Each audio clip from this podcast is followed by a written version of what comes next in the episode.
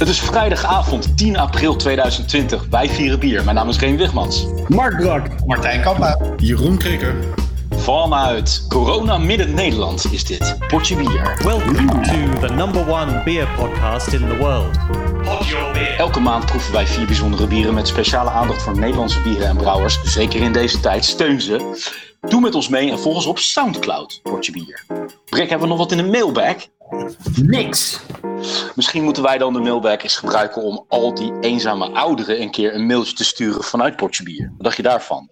Ik denk dat die daar heel erg op zitten te wachten, inderdaad. Ehm, voor alle luisteraars van deze podcast en alle mensen die onze podcast volgen, luisteren ook en kunnen het niet zien. Ehm, even een korte uitleg waarom het audiotechnisch zo vreemd is vandaag. We zitten allemaal in quarantaine, want we hebben alle vier individueel van elkaar corona opgelopen, nietwaar? Ja, En eh, dus eh, we hebben het voor elkaar gekregen om op vier verschillende IC's in Nederland eh, opgenomen te worden. En eh, we zitten nu in een, eh, een live videoverbinding met elkaar. En we gaan gewoon door met bier te suipen. Want ja, wie weet dat die alcohol gewoon die, dat virusje gewoon lekker doodmaakt, nietwaar? Wat moet je anders doen? Lekker, Dus- lekker, lekker geïntubeerd en eh, gewoon bier naar binnen keilen. hey Remy, Ja. is, het, is het ook mogelijk om de, om de video ook op te nemen? Of nemen we het echt alleen als audio op? We kunnen wel streamen. En we nemen het eh, als audio op, maar voel je vrij om een eh, screenshotje te maken. Dan eh, doe ik hier vanuit deze HQ, eh, focus ik even op de audio. Dat die Oké. stabiel blijft werken. Sommige dingen blijven gelukkig bij het oude. Ja. Nou, dan ga ik eh, hem inschenken. Nee, nee, nee, wacht, wacht, wacht. wacht. Nee. Ja, nee, ga maar. Drie. Vertelt Ja, mag iedereen op- over zijn eigen brouwer? Want we hebben brouwers... eh, moeten we het concept even uitleggen wat we vandaag hebben gedaan? Ja, Craigster, eh, jij eh, bent het, eh, de evil genius behind this, so go ahead.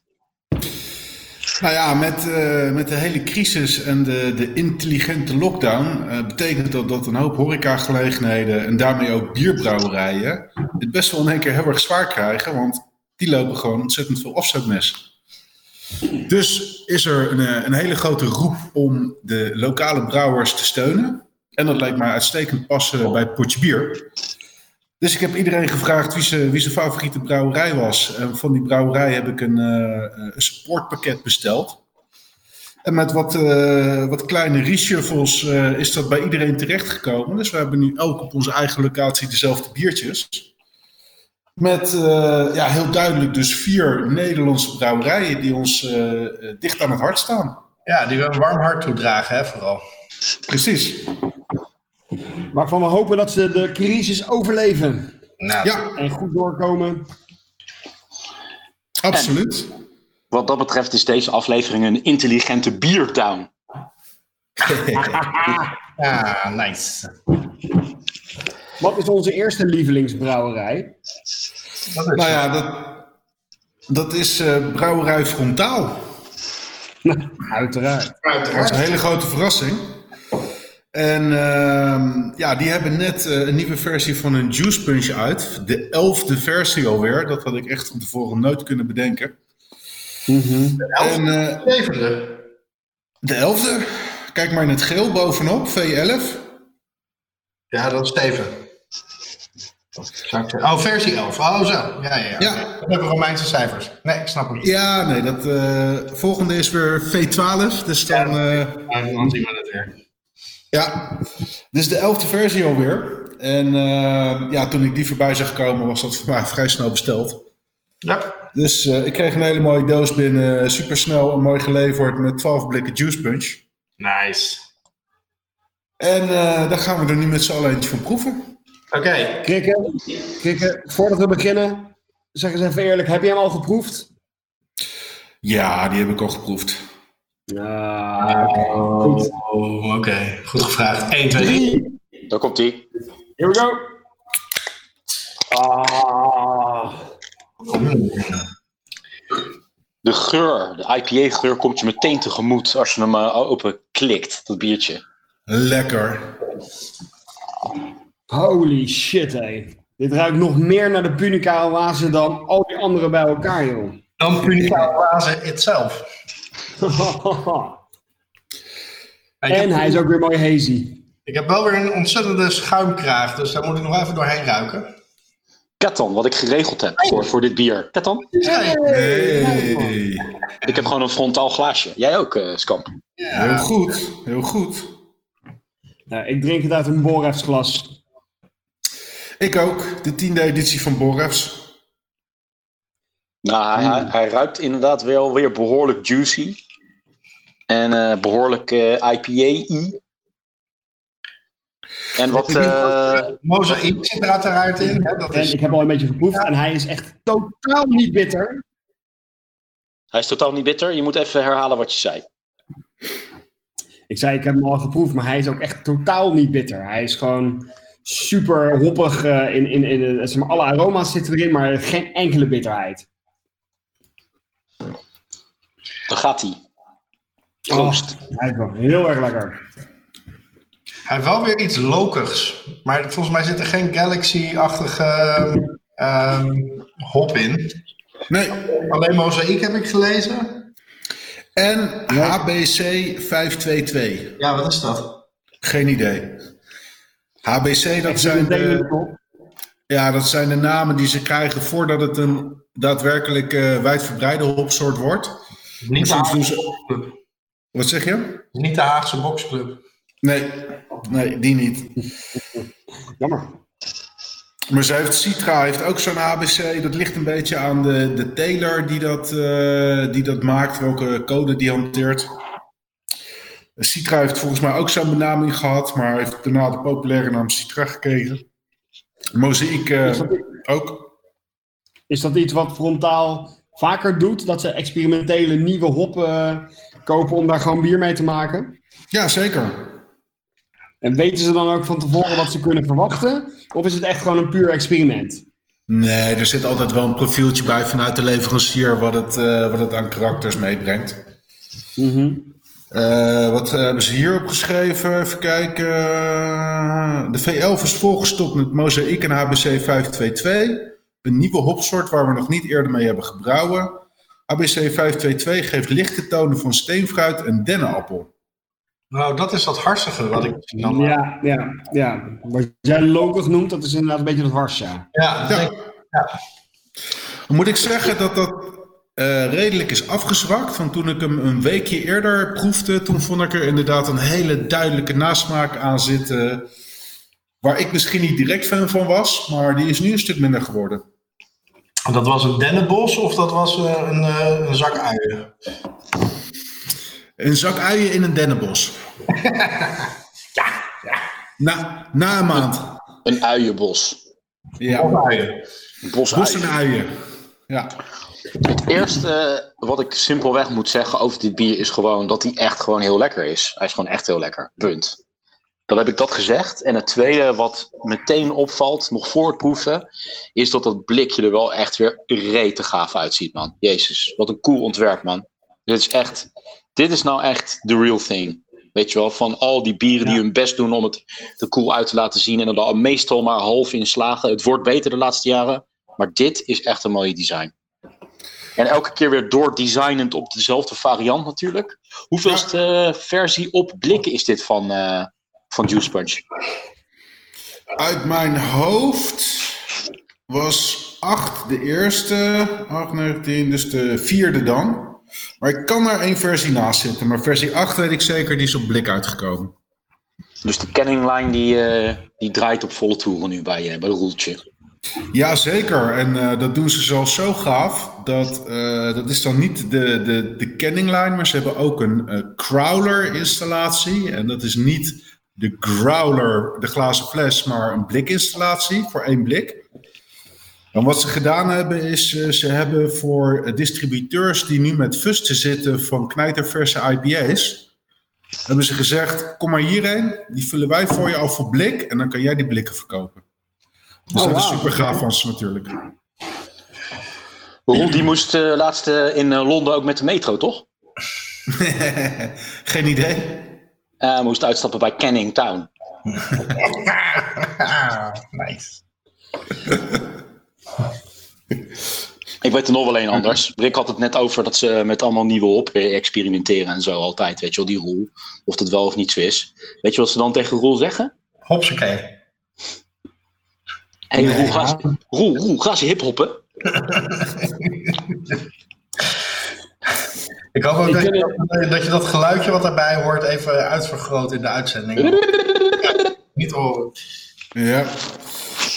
Ik vind het tijd voor een, eh, voor een hopsoort waar je grappen beter van gaat worden, Remy. Mag ik, mag, ik, mag ik het over een andere boeg gooien dan de hop? Ik heb even, Ja. een, even een nerdy vraag over de gist die, er, eh, die erop staat. De Y-Yeast 1318. Is dat, zeg maar, is dat een, een, eh, een typische New England IPA gist of is dat een nieuwe gist? Waar ze mee werken. Uit mijn hoofd is eh 1318 de London Ale 3, wat voor mij de enige echte New England IPA gist is. Dat is echt de gist die ze al sinds het begin van, van het recept wat jij eigenlijk hebt ontwikkeld gebruiken. Ja, klopt. Oké. Als, jij als jij deze vergelijkt met, met de eerste versie, waar jij een beetje aan de wieg eh, van hebt gestaan, hoe, hoe vind jij deze dan? Kan je dat vergelijken? Ja, dat kan je zeker vergelijken. Eh, er, zijn, er zijn echt onnoemelijk veel tweaks eh, in gaan zitten die, eh, die Roel vooral met zijn team heeft uitgewerkt en die we ook samen hebben uitgewerkt. Dus hij, hij verschilt op ontzettend veel details, maar ik denk dat de, de, de oorsprong nog wel heel duidelijk merkbaar is. Ehm, deze is wat harstiger en ik ben echt voor de, ik ben echt voor de Punica gegaan met Juice Punch. Dat is in het begin natuurlijk ook heel duidelijk geweest. En ik merk dat Roel nu eh, steeds eh, liever een eh, wat oldschool karakter er tegenover zet. Zoals die dennen, die, eh, dat dennenbos. Want jij bent eh, helemaal los nu van Juice Punch, klopt dat? Eh, ja, versie 10. Dus de vorige hebben Roel en ik samen het recept nog gemaakt. En eh, was het de bedoeling dat ik mee zou gaan brouwen, maar dat is er niet van gekomen. En deze hebben ze weer helemaal zelf bedacht. Nou, dan, in dat geval vind ik hem behoorlijk goor, deze. Ik ga heel even kijken wat hij. Heb je al gekeken wat hij doet op uh, Untapped? Nee, Alright, ik ga even kijken. Ja, Juice Punch 11 Untapped.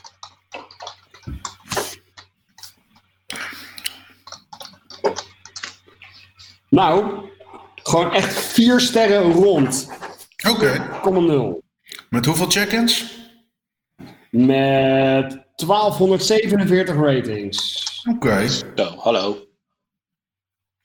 Dat, ja, wat je ziet, ik heb dat in het begin natuurlijk heel erg in de gaten zitten houden toen, Juice, toen de eerste versies uitkwamen. Hij begint sterk en dan eh, meestal dwaalt hij af naar de 3.8. Mhm. Ehm, ik denk, Dat dat ook met, de met, met het bier te maken heeft. Namelijk door de tijd heen wordt hij gewoon ook minder goed. eh, ja, ja. Dus mensen Ja. die hem over drie maanden drinken, zullen hem slechter raten dan wanneer die vers is. Ja, maar dan ga je uit van een constante in de, in de raters. En dan dat alleen het bier de, de veranderende factor is. Ik denk dat het, ja, met Untapped, je hebt geen idee wat de pool is van mensen die dat raten en waarop ze dat raten. Dus, dus eigenlijk is er geen pijl op te trekken. Weet je welke Juice Punch er op... Welke versie van Juice Punch er op reet bier... Of nee, laat ik het nog leuker maken, ja? Eh, wat denk we je? go. 1, 2, 3, 4... Wat denk je dat de top 5 is van meest gewaardeerde Juice Punch versies op reet bier? Ik heb ze hier allemaal op volgorde van, eh, van eh, average rating nu staan. 2, 3, 5, 4. 2 en 3 komen in de top 5 vorm. Dat klopt. 4 niet en 5 ook niet. Oké. Eén? Eén dan? Zit één erin? Nee. Oh. Ja. Ik zal je alvast verklappen dat ge- eh, gek genoeg of niet gek genoeg eh, staat versie 11 op 5. Oh, Oh, nice. wauw. Oké. Hm. En degenen die nog niet genoemd zijn, zijn versie 6 en 7. De best gewaardeerde is versie 3. Ja. Ja, voor mij zijn 2 en 3 de, de, echt de, wat ik voor ogen had, hoe dat op grote schaal moest worden. Ja, want de top 3 is versie 3, versie 7 en versie 2. 372. Oké, nice. Maar dat even tussen, tussendoor. Maar dat is wel een bizar hoge untapped rating ook trouwens. Zit je nou op een tap of Raidbeer te kijken? Want je zei... ik, ik, ik zit nu op Raidbeer te kijken, maar Brik Oké. net, net op untapped. Ja, ik probeer even te kijken of ik nog kan eh, eh, achterhalen wat op dit moment de beste New England IPA van Nederland gewaardeerd wordt op, eh eh op een tapped. Alleen ik eh, heb even een eh, mental... eh, Breakdown. Zoek jij, zoek jij dat heel even op? Dan wil ik even een hele kleine shout-out doen naar Jenna Arts. Of Jenna Arts, ik weet niet eens hoe je de naam uitspreekt. Maar zij is dus de vormgever van Frontaal. Die al vanaf het allereerste begin eh, alle labels van Frontaal eh designt. Mhm. En die heeft dus ook dat oorspronkelijke eh Juice Punch design gemaakt. Wat dus inderdaad nu al elf versies meegaat. Mhm. En nu gewoon even door jou wordt, eh, wordt genoemd als... Kijk, dit is nou een voorbeeld van hoe het moet, weet je wel. En het is inderdaad echt een fucking mooi, eh, mooi blikje ook gewoon weer. Ook dat zwarte blikje is zo chic, weet je wel. Het is allemaal zo mooi gedaan. Ja. Ik mis Ja, wel een ja. palmboompje met een slippy erin. Wat zeg je? Ah, dat palmboompje met dat slippy erin. No strings. Stond dat op het eerste, op, het eerste flesje nog? Drie, geloof ik. nee, dat is, dat is er volgens mij nooit terecht gekomen. Ah, jammer. Jammer. Ja, jammer, jammer, jammer. Oh, No strings brewing. versie 11 is de op twee na best eh, gewaardeerde eh, New England IPA in Nederland. Zo. En wat zijn de ene twee? Wat zijn de, de beste? Moersleutel? Nee, eh, ja, eh, Oblivious van de Moersleutel. En Cloud Batch 2 van White Dog Brewery. Huh? 1, 2, 3, 4, 5. Ken ik helemaal niet. Versie 3 is eh, de zesde. En, maar die cloud van White Dog Brewery? Ik zal eens even kijken wat er over te.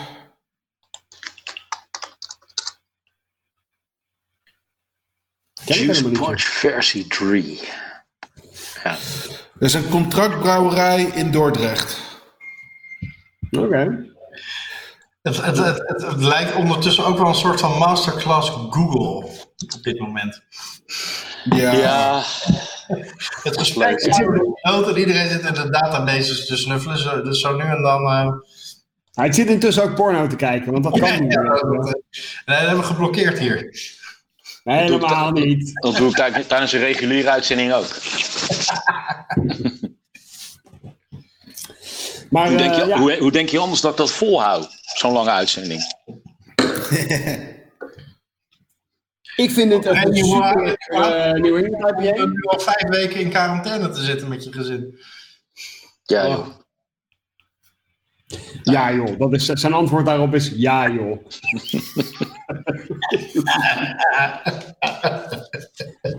Remy, ze luisteren niet mee. Je kan gewoon vrij uitpraten. Niemand, Ja, niemand hoort dit. Nou, vraag maar. Wat wil je weten? ja Brikkie, ging- Brikkie ging net weer een mooi bruggetje naar het bier bouwen. Ja, precies. Laten we, daarop, eh, laten we daar naartoe gaan.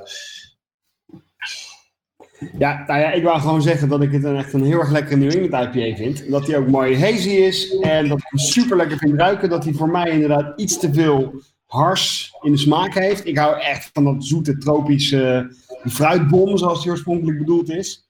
Maar het is nog steeds echt een super lekker bier. En eh, het weer is er perfect voor, dus eh, ik, ja, misschien eh, ga ik ook nog even een sixpackje bestellen. Nice. Het per, per 6 of per 12? Deze. 6, 12 of 24, wat jij wil. Per 6 gewoon. Nice. Je kan ze volgens mij zelfs individueel bestellen. Oké. Individueel, dan komen ze echt één blikje brengen. Nou, dat laat ze PostNL doen en dan betaal je heel veel verzendkosten voor één. eh, Ik heb geen idee wat hun voorwaarden zijn, maar je kan ze volgens mij individueel gewoon aanklikken in de webshop. Nice. Maar ik vind eh, dat. ehm, ja, dat hebben we al vaker gezegd in, eh in de uitzending in het verleden. Maar eh, ja, je hebt gewoon echt een, een familie gecreëerd van bieren, krikken. Met eh Juice Punch 1 en verder. En we zitten nu bij versie 11. En versie 11 is duidelijk gewoon echt al absoluut duidelijk een familielid van al die andere Juice Punches. En het is een, echt een schitterende familie geworden, man. Daar mag je echt trots op zijn. Incredible. Ja, nee, absoluut. En ik, eh, ik vind het gewoon heel fijn dat ik dit eh, frontaal heb kunnen geven. Want dit is absoluut een van hun eh, flagship eh, bieren. Oké, het eh, volgende biertje, het tweede biertje, is een biertje van eh, een eh, brouwerij die mij, of die ik een warm hart toedraag. Het is namelijk Leids Ehm, van Jan-Willem Fucking. Ehm, een beetje eh, een, een, een, een, kleine brouwerij uit, eh, uit Leiden. Ehm, waarmee ik tijdens onze brew-off eh, Sweet Sinner mee heb gemaakt. Ehm, single, single Park heet het biertje. Ik, wil, ik heb de hele tijd een neiging, omdat we elkaar ook zien, om eh, te laten zien in de camera. Maar goed, dat leeft eh, voor de eh, luisteraars thuis helemaal niks op. Ehm, ik weet verder niks van single bier. Weet jij daar iets van, Kees? Eh, nee, ja, met het bier steun je het Single Park. Ja, het was voor de Wilgen, toch? Voor de. Geen idee. De single is in ieder geval ehm, de straat die de binnenstad van Leiden omsingelt. Ehm, dus eh, volgens mij heb je ook de singelloop van 11 kilometer of eh, weet ik veel wat. Ehm, dus het, ehm, eh, vandaar waarschijnlijk. Hey, eh, cheers, guys. Cheers. Cheers. Leuk man. Welke stijl is het? Het is een donkerblond bier. Fruit. Fruitig, fruitig donkerblond. Oké. Leidsbier is een van de eerste Nederlandse brouwerijen die ik echt heb leren waarderen. Weet je wel, de IPA. Dat, was, dat is echt een klassiekertje voor mij. hè. Ja, drie keer raaien wat ik voor mezelf erbij besteld heb toen ik toch dit ging bestellen. De IPA, Yep. niet de Morsporter, want dat is een andere klassieker van hun natuurlijk. Ja, die is niet eh, verkrijgbaar nu. Nee? Nou, oké. Hm. Maar ik ben het met je eens, want ik weet nog dat wij als potje bier een hele doos IPA hebben gekregen van Jan Willem. Ja. Nadat we daar eh, eh, een hele leuke aflevering hebben opgenomen. Weet je En dat is- een goeie... Hm? Dat is echt inderdaad een hele old school IPA, die ik nog steeds heel erg kan waarderen. Toen wij... Martijn had het over de, de brew-off. Toen wij op het eerste eh brew daar stonden met onze brew-off. Toen, toen stond Leids Bier daar ook. En die had als enige op dat hele festival een klassiek blond biertje. En die had rijen dik bij zijn kraam, omdat mensen gewoon een simpel blond bier wilden, wilden drinken. Dat Dat is me altijd bijgebleven. En nu drinken we gewoon een bondje van Leids. Ik ruik, ik ruik geen ene reet als ik hier aan ruik. Hebben jullie dat ook? Ik ruik ehm, ehm, Belgische gist. ehm, Ja, esters. Ik kijk ook gist. Ja. Ja, Oh, dus het ligt weer aan mij. Nou, leuk. ja, maar je- zit je neus verstopt? Heb je corona misschien? Dat zei ik toch al bij de intro. Dat ik corona heb. Maar dan even is geïntubeerd. Geïntubeerd. Nee, Ik, dit is, eh, ik drink dit bier via mijn infuus. Ja, precies. Remy heeft een beer in zijn tube. Oké, nou, proeven maar dan, want eh, ja, goed. Ik ruik dus niet zo heel veel. Maar wat, wat voor verwachtingen heb je bij een blond bier? Mijn verwachtingen zijn inderdaad Belgische esters. Kruidige smaak. Fruitig. Kruidig is het misschien wel een beetje, maar het is vooral een heel subtiel smaakje. Toch? Vind je het niet? Nou, nee, ik, ik vind hem heel gistig en behoorlijk kruidig. Gisteren in- in- inderdaad. Ik had ook echt wel peper uit. eh, ook Peper? gecarbon- gecarboneerd. En dat, dat, ehm, dat maakt dat ik niet alles eh, zo goed proef. Want je vindt hem te veel gecarboneerd of wat? Nee, nee, nee, nee. Maar voor een peperprikkeltje, dat proef je altijd beter als hij iets minder gecarboneerd is. Ja, dat zijn echt van die, van die esters, maar ook die, die, die sterke carbonatie past bij die Belgische stijl. Ja. Als ik Ja. zeg maar als, als, als een soort van jurylid op een eh, bierwedstrijd dit zou moeten beoordelen, dan zou dit volgens mij wel behoorlijk spot on eh, volgens de stijl zijn, toch? Dat denk ik ook wel, ja. Stel een 99, overal een 40. Want het is niet jouw smaak of... eh, Nee, nee, nee, is bullshit. Ik maak een grapje, maar. Ehm, nee, ik heb. Ik, ja, eh, Kamphuis omschrijft het als. eh, dat de carbonatie misschien. de smaak een beetje in de weg zit om het echt heel goed te kunnen proeven. Maar ik heb het bij geur en smaak, zoals gezegd. überhaupt een beetje. Dat ik. niet zo heel veel ruik en proef. Ik vind het wel subtiel bier. Ik vind het zeker niet vies. Het smaakt wel oké.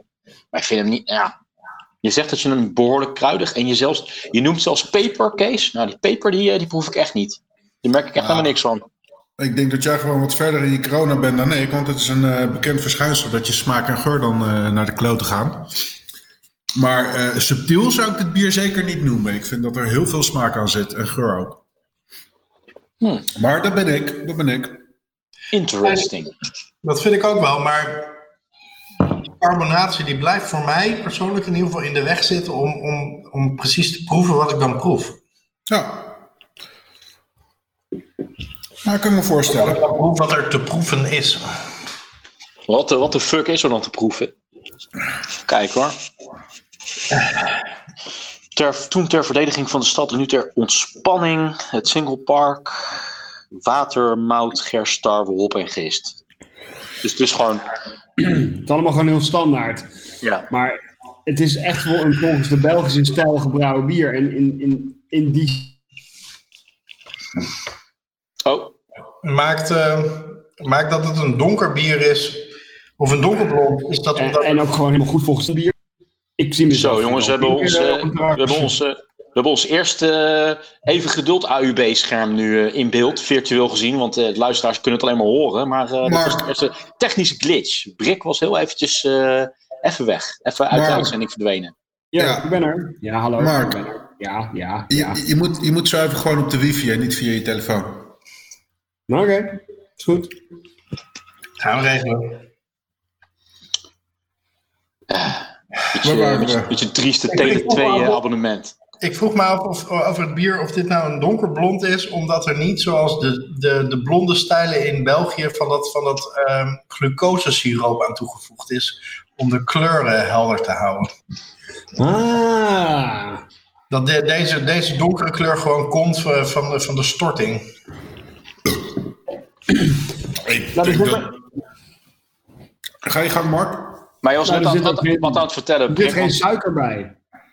Je was net aan het vertellen over eh, Belgische biercontest volgens de Belgische stijl. Wat was je aan het vertellen over die Belgische stijl?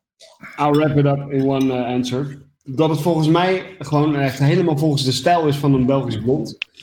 Inclusief de smaken die erbij horen. Maar inderdaad, wat Martijn zegt.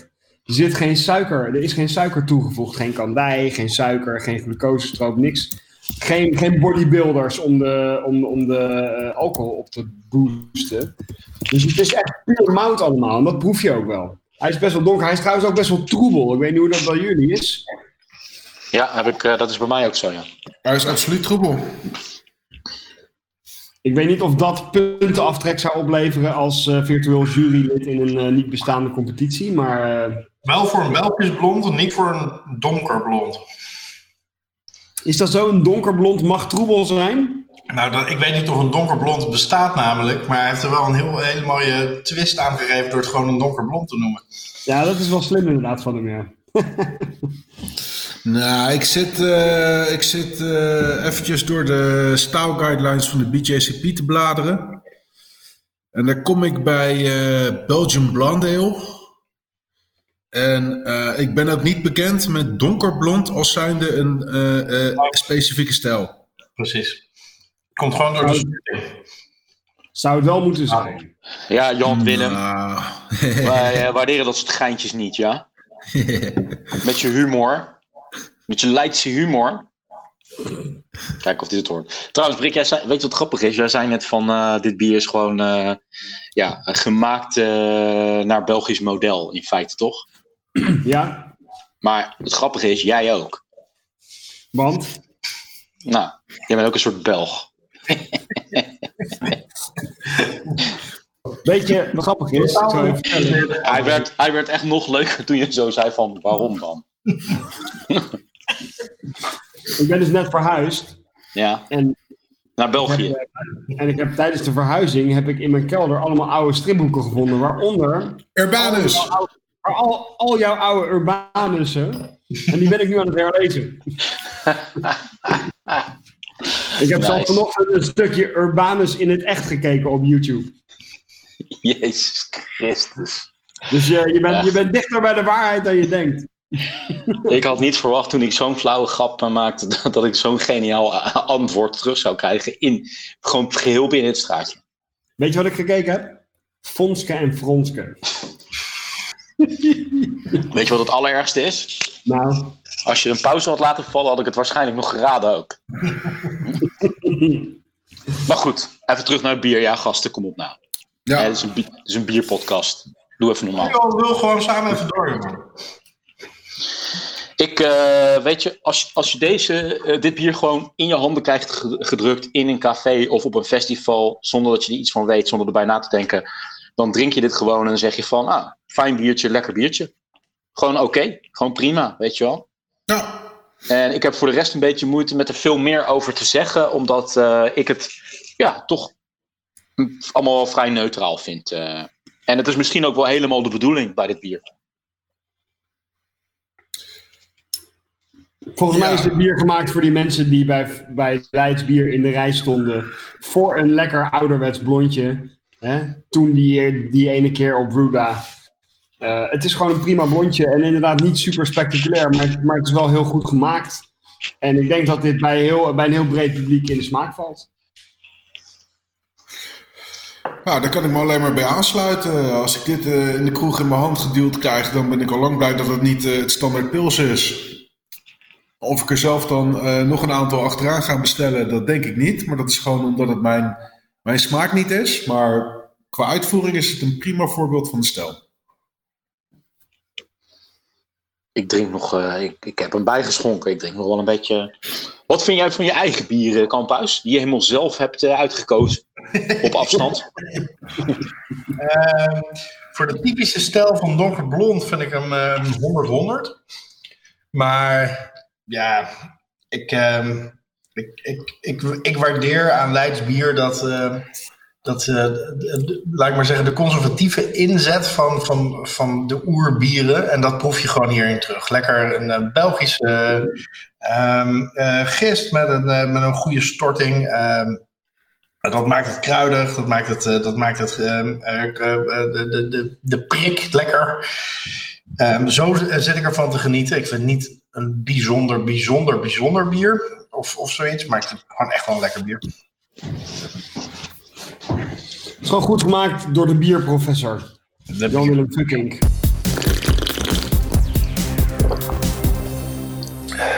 Ja, het is nogal eh, awkward, gasten, voor het volgende bier dat het eh, nu eh, vrijdag is. Helemaal het begin van het weekend. Want eh, eigenlijk is het bier gebrouwen op een maandag. Want toen waren we nog een beetje hazy van het weekend. Dus dit is eigenlijk het allerslechtste moment om dit bier te drinken. Maar we drinken het toch. Omdat het eh, een bier is van mijn broers. Namelijk de broers van de streek. Yay! Kijk mij dit bier nou eens introen alsof ik het onwijs heb uitgekozen. Hè? Eh, maar goed, he- eigenlijk heet het bier Hazy Weekend. Dus hè, vanwege de eerder genoemde uitleg. Ehm, maar op het blikje staat Hazy Lockdown. Want mijn broeders hebben het volgens mij ook zwaar eh, in deze lockdown. Jij sprak ze ook nog even, Kees, toch? Toen jij eh, het biertje bestelde? Eh, nee, niet echt, maar ik heb ze wel een beetje gevolgd op, eh, op internet. Mhm. En eh, ja, ze merken gewoon dat eh, een heel groot gedeelte van hun omzet wegvalt. Dus dat is wel even, eh, dat is wel even aanpoten, ja. Dat is meteen een eh, hele goede, een heel goed bruggetje naar die cue van jou die ik jou nog moest geven, toch? Kik? Over dat we Ah het ja, daar even over eh, moesten hebben. Dat is Over al die brouwerijen die aan het ompleuren zijn op dit moment in, eh, in Nederland en omstreken. Ja, nou, volgens mij is dat nog niet het geval. Eh, zullen we ondertussen deze rustig inschenken of hebben jullie dat al gedaan? Ik heb hem ingeschonken, dus ik zeg proost, gasten. 3, 2, 1. Ah, dat was mooi synchroon. Hoppakee. Nou, ondertussen zijn we lekker een hazy lockdown aan het inschenken. En de vraag is nu natuurlijk, schenkt hij net zo mooi hazy in als de Juice Punch?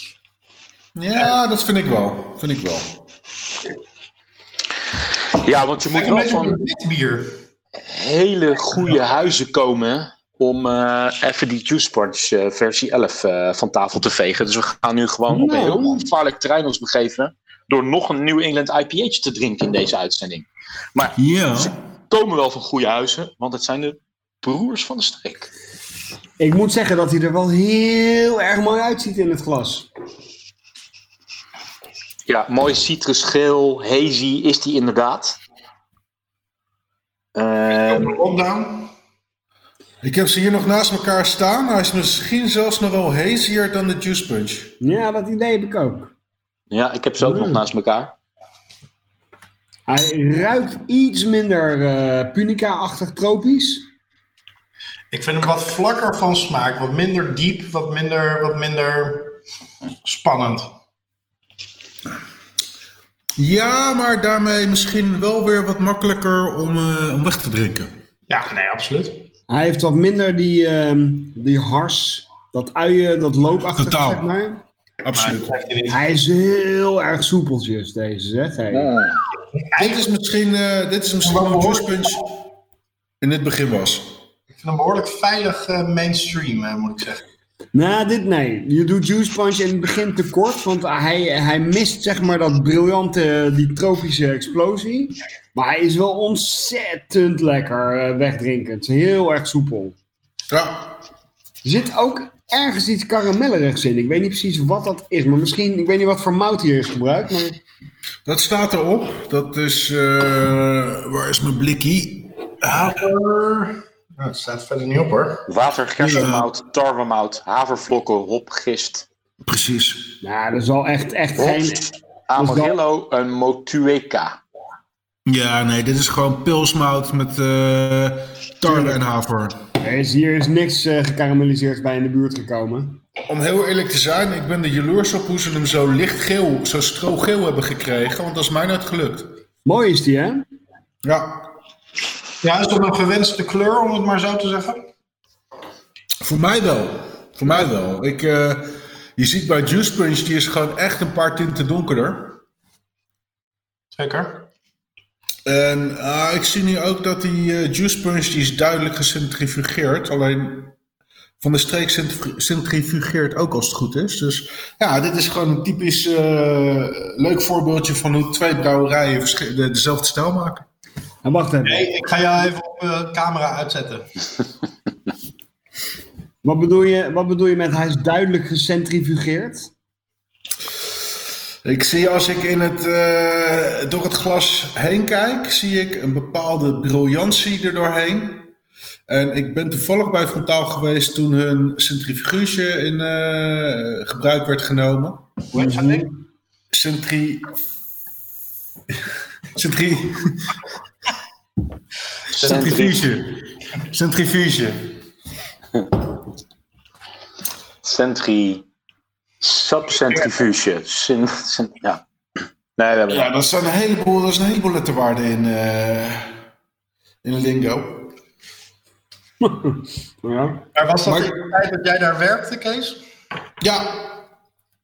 En daarmee worden gewoon de gistdeeltjes letterlijk uit het bier geslingerd. Samen met de hopdeeltjes en alles wat er maar nog in, eh, in drijft. Hè, maar hoe doen ze dat ook met de New England IPA? Dat is toch juist niet de bedoeling dan? Nou ja, dat ligt dus aan je receptformulatie. Of die haze zo permanent is dat hij dat overleeft. Aha. En eh, een New England IPA centrifugeer je dus inderdaad totaal anders dan een, eh, dan een blond of een, eh, noem het maar op, eh, een bier wat je wel helder eh, wil hebben bijvoorbeeld. Zijn er nog brouwers die hun New England IPA hazy maken door er bloem aan toe te voegen en dat soort crap? Dat gebeurde toch in het begin al? Ja, dat is volgens mij, volgens mij is er nooit in Nederlands, althans, nou, er zijn er 700, dus daar kan ik niet voor spreken, maar het zou wel verdrietig zijn als er een brouwer is die dat, die dat geprobeerd heeft, want dat was zo'n broodje aap verhaal wat... eh, Oh, zo'n broodje. Tijdje. Oké, oké. Nou, het, het is wel door brouwerijen gedaan, maar het heeft zo'n het is zo'n verwaarloosbaar effect. Hmm. Dat het totaal de moeite niet waard is. En het is juist zo makkelijk om het goed voor elkaar te krijgen. En zei je nou dat er zeven... Waarom is dat zo makkelijk? Of wat, wat, wat, hoe, hoe, wordt dit bier eh, zo troebel? Dat komt door iets, dat is mijn persoonlijke mening allemaal, maar dit komt door iets wat biotransformatie heet. En dat eh, vindt plaats doordat je de draaihop eh, tijdens de fermentatie al toevoegt. In plaats van nadat fermentatie klaar is, wat over het algemeen daarvoor standaard gedaan werd. En daardoor gaan de, gist, de, de gistcellen die gaan met de hopdeeltjes eh, interacteren. En dat creëert een, eh, een haziness die in principe redelijk langdurig is. Zo, we staan nu heel eventjes één minuut stil bij... Hoeveel jaar potje bier zijn we nu inmiddels, eh, guys? Wanneer zijn we begonnen? Welk jaar ook alweer? In 2010. 2010 zijn we begonnen. Elfde jaar. En zojuist even dat college wat eh, de heer eh, professor Dr. Krikke gaf over bier eh, in de afgelopen minuut versus onze eerste aflevering. Dan zijn we wel een behoorlijke long way eh gegoot. Ja, zeker. Dat had ik gelukkig ook wel mogen verwachten. Het zou een beetje triest zijn als we nog steeds op hetzelfde niveau zaten. Ja, misschien zit ik nog wel nog steeds op hetzelfde niveau. Maar ben ik toch blij dat jij erbij bent, eh, Kees. 50 verschillende soorten pis. Eh, dat, eh, Ja. dat, eer- dat eerste jaar eh, effect.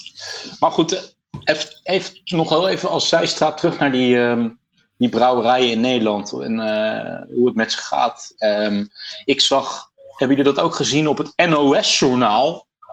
Eh, brouwerij Compaan, een aantal dagen geleden.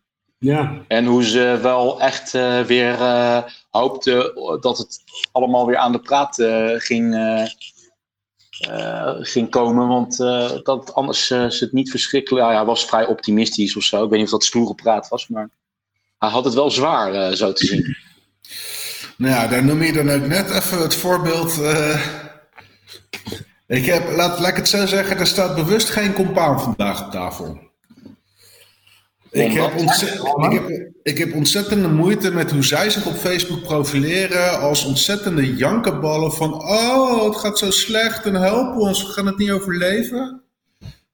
En weet je, dan denk ik, krijg de tering met zoals jij de afgelopen eh, aantal jaar je bedrijf hebt geleid en neergezet. En eh, ja, Oké. ik ga er niet al te veel verder over zeggen, maar eh, er is een reden dat er geen compaan op tafel staat vanavond. Wauw, oké. Duidelijk. We hebben weer een nieuwe, zeg maar, multi-episode verhaallijn hier te pakken, volgens mij. eh. Ja, ze roepen, het, ze roepen het op zichzelf af en ik ben niet de enige die dat zo vindt. Eh, maar ja, dat is, eh, eh, dat is hoe zij dat willen doen. En ja, ik zou willen dat ik kon zeggen dat ik hoop dat ze het overleven. Maar je bent niet de enige die er zo over denkt. Ik Maar... hoop dat ze het niet overleven. Ja, la- laten we het gezellig houden en over de brouwerijen hebben die de steun hard kunnen gebruiken en eh, om wie het, er- bij wie het erom gaat spannen. Welke brouwerijen, met name de brouwerijen die op onze, op onze liefdeslijst staan, eh, hebben de steun op dit moment hard nodig? Wie, wie zijn aan het struggelen op dit moment? Ik denk allemaal. Ik denk Swinkels. Wat? Swinkels? Ah, ik bedoel de molen, sorry. Nou ja, dat, dat is ondertussen eh, Swinkels. dus daar heb ik ook totaal geen medelijden mee. Eh, ik denk dat elke brouwerij het, eh, het zwaar heeft. Want Over elke- de, over de molen gesproken. Zeg maar die, dat Delftse brouwhuis. ja, Ontstaan is uit eh, hè, de helft van de molen. Hoe Hmm. doen die het, denk jij? Nou, ik denk dat die ook een ontzettende dauw hebben gekregen. Die zijn net, eh, wat zijn ze net open? Een half jaar, een jaar? Ze hebben sowieso vertraging gehad bij een opening natuurlijk. Flinke vertraging. En ja, we zijn nu misschien nog net niet eens een jaar open. Ja. Ja. En ze zijn een half jaar dicht. ja. Want ja, daar kunnen we wel redelijk van uitgaan. Nou, het lijkt erop dat we eind van de maand heel. Het kabinet zit nadenken over een heropening. Maar dat, dat, gaat, dat gaat niks worden zoals het uit was. Dus ik denk dat brouwerijen gewoon een half jaar lang omzet missen. En ja, van eh, een, een, een brouwerij die ik van binnen heb gezien en een klein beetje weet hoe dat financieel opereert, daar is de cashflow totaal niet naar om dat te kunnen, om dat te kunnen trekken. De meeste brouwerijen moeten het hebben natuurlijk voor alles wat ze verkopen in hun proeflokaal of ja, in een brewpub of zoiets. Op hun eigen premises. Dat voor een groot gedeelte. En als ze dat niet hebben, dan is over het algemeen meer dan 60% de horeca eh, de, de afnemer.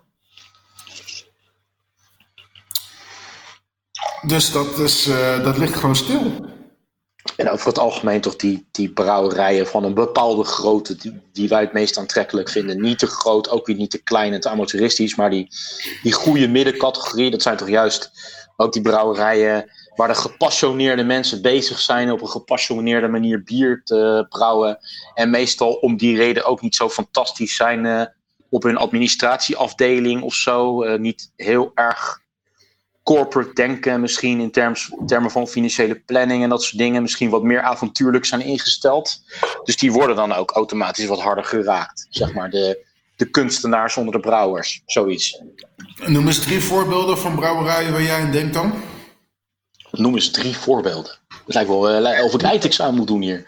Nou ja, gewoon, eh, nou ja, om te beginnen natuurlijk gewoon de brouwerijen die we, die we vandaag eh, behandelen in de uitzending. Ik bedoel, ik denk natuurlijk als eerste denk ik aan Frontaal. Of eh, van alle brouwerijen. Gewoon goed bezig die gozer. eh, maakt grote stappen.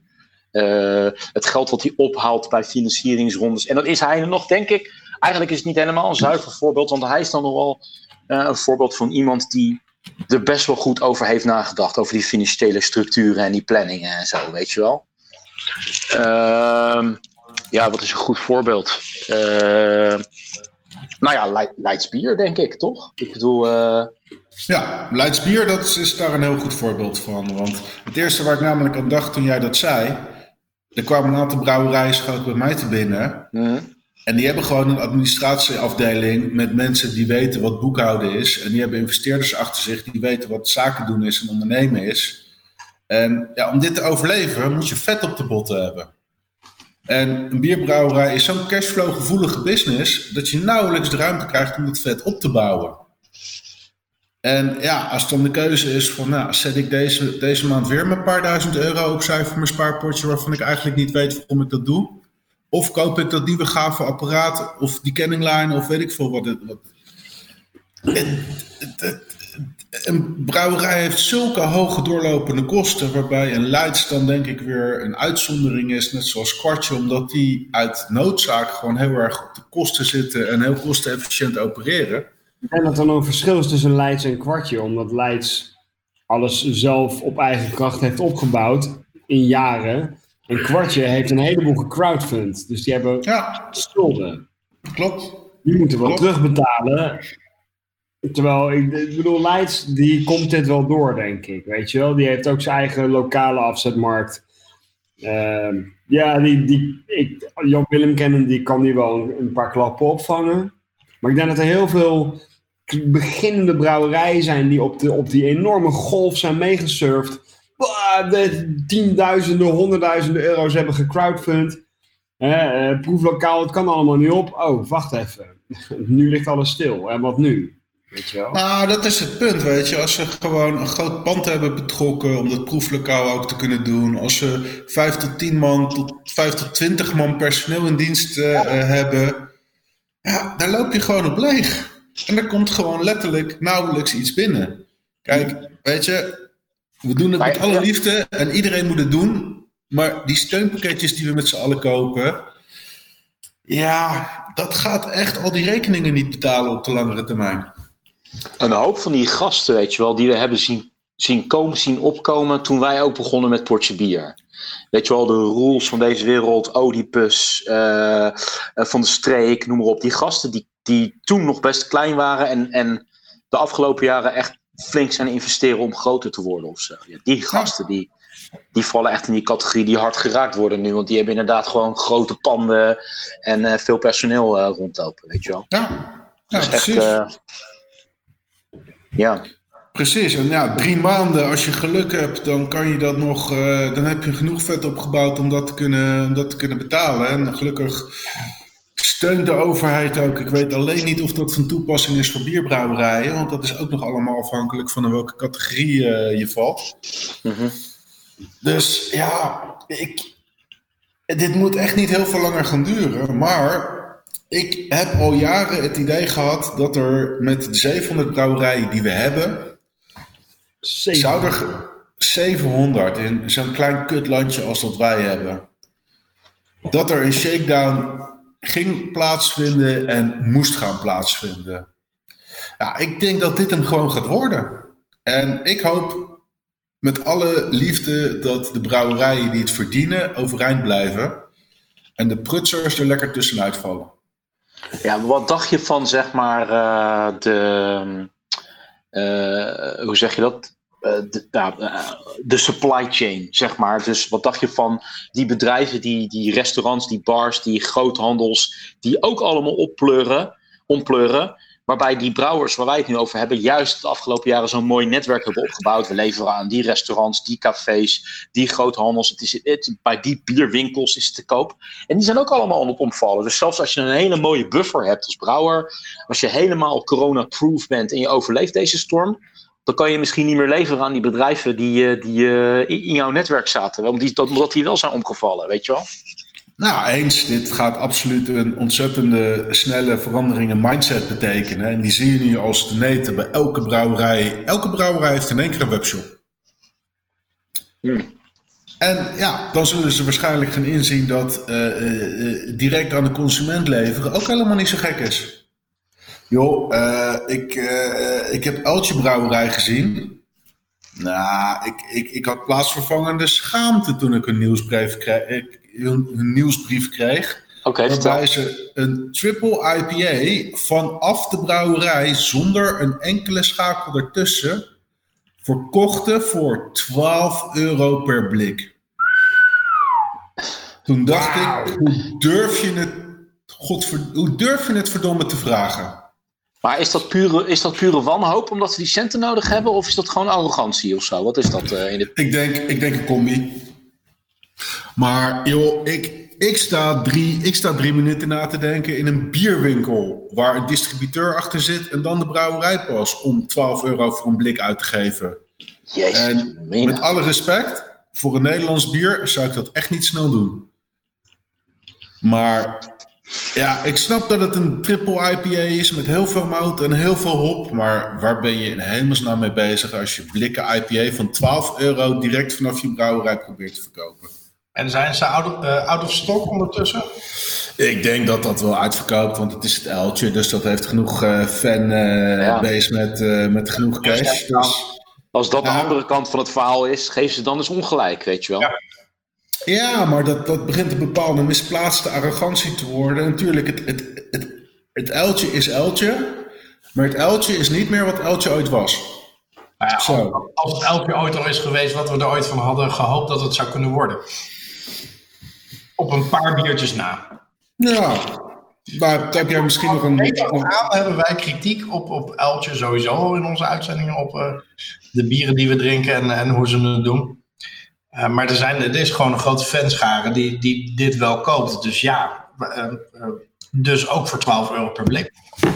Ja, ja maar... En zeker in deze tijden dus. Hè, steun je favoriete brouwerij, dat is de oproep. Nou oké, dan ga je dus, dan koop je dus een paar blikjes voor 12 euro.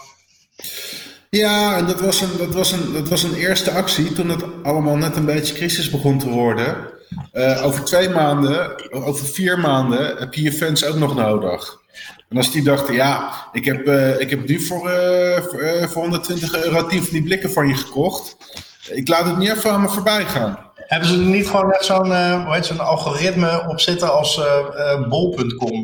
Dat je gewoon alle desinfecterende zeep ineens 25 euro per flacon kost. Niet omdat iemand dat bedacht heeft, maar gewoon omdat, omdat een, er een algoritme achter zit te rekenen. Dat, dat, ja, En dat- dat wordt dus ook wel weer corrigeerd over de komende maanden, weken, maanden. Van, ja, het neemt toch een beetje af. Laten we onze prijs dan toch maar wat, wat afzwakken. Ja, maar dan vind ik dat je jezelf gewoon voor lul zet als je een eh, zelfde biertje in één keer voor de helft van de prijs verkoopt. Totally. Maar eh, de, biertjes die, eh, de, de biertjes in blik die we nu zitten te, de- te, te drinken, die kosten rond de 3 euro per blik. En dat is een 33 centiliter ten opzichte van een 44 centiliter. Verkoopprijs bedoel je? Verkoopprijs. Man, af, ik heb zitten sparen voor dat tikkie van jou. Wat ze, ja, Ik heb zitten sparen, man. Ik denk, dat- komt, eh, dat- dat komt. Maar kijk, ik denk dat we nu wel genoeg voorspel hebben gehad hè, over al die brouwerijen die het moeilijk hebben, die we moeten steunen, overleven. Laten we nu gewoon het echte verhaal vertellen aan onze luisteraars. Eh, wij hebben het ook heel moeilijk als potje bier in deze tijden. Klopt. Ehm, We krijgen dus maar ja, geen post in de mailbag. mensen die ons geld willen geven, eh, zodat deze podcast toch weer de komende tien jaar ook nog vooruit kan. Je bedoelt dat het gewoon. onze live crowd heeft het laten afweten, toch? Daarom lanceren wij zeg maar eh, onze, nieuwe, onze nieuwe slogan voor Portje Bier. Eh, Portje Bier, wij sparen briefjes van duizend. ja. Help ons de winter door. ja. Maar over underdogs en de good guys die we wel willen steunen gesproken, eh, denk ik even terug naar Van der Streek, toch? Want eh, Ja. we zijn inmiddels al een hoop slokjes verder. Wat, eh, wat vinden we hiervan? Even nog niet in vergelijking met de Juice Punch, want dat is misschien bijna niet eerlijk. Maar Nou ja, precies dat. We zijn ongemerkt een heleboel slokjes verder en daar is het een perfect biertje voor. Het is niet spannend, maar ik heb er graag, ik heb, maar- ik heb er graag mijn koelkast mee voor staan. ik, la ik laat even zien wat ik nu drink. Heineken. Dat is Heineken, want ik heb mijn eh, Van de Streekje al op. helemaal op. Helemaal op. Jongen, ik heb hier nog zeven volle blikjes staan. Want eh, ik steun eh, mijn, eh, mijn broers. Maar ja, ik, eh, ja ik, ik ben niet bij jou in de buurt, hè. Kan niet komen ophalen, want ik heb corona. Ik zou je niet eens binnen laten, jongen. Al, al, al zo had je hier gestaan. Ja, ook al had ik geen corona, liet je me nog steeds niet binnen. Nee, maar dat is weer een andere multi-episode verhaallijn. Maar eh, laten we terugkomen. Een kleine cliffhanger voor de luisteraars. Brik is nog nooit bij Remy binnen geweest. Dat mag nog steeds niet. Ja, nou ja, wel anaal natuurlijk, maar gewoon niet in zijn, maar niet, maar niet in zijn huis. Ja, ja, inderdaad. Ja, nou ben je er wel redelijk, redelijk vaak bij mij binnen geweest. Eh, Ja, maar Dat dat, eh, ja. ik, ik weet niet. Vind, vind jij dat dat in zo'n podcast als deze thuis hoort, Mark? nou weet je, ik sta er niet eens meer bij stil eigenlijk. Ik ook niet. Ik hoor een spin-off. Maar Van de Streek, hè, we hadden het over Van de Streek, laten we wel eh on topic blijven. Dit is gewoon een hele fijne IPA. Dit is gewoon Ja. een hele fijne IPA. En eh, hij drinkt gewoon heel fijn weg.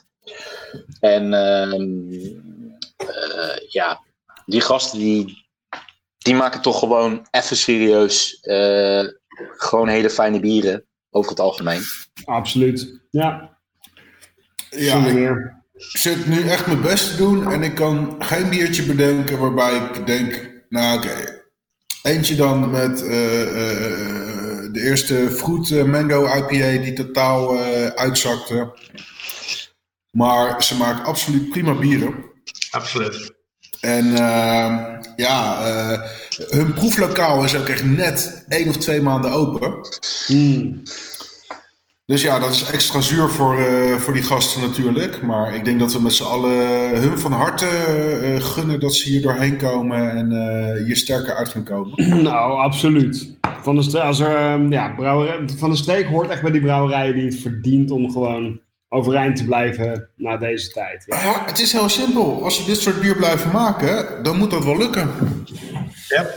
Dat zou je wel denken. Als de wereld rechtvaardig is, dan is dat inderdaad waar. Ja. En anders doen wij met die briefjes van duizend er alles aan om ze overeind te houden. Welcome to the number one beer podcast in the world. Pod Your Beer. Oké, biertje nummer 4. Ja, normaal gesproken zou ik hem aankondigen, maar Kamphuis, kom maar op. Oh ja.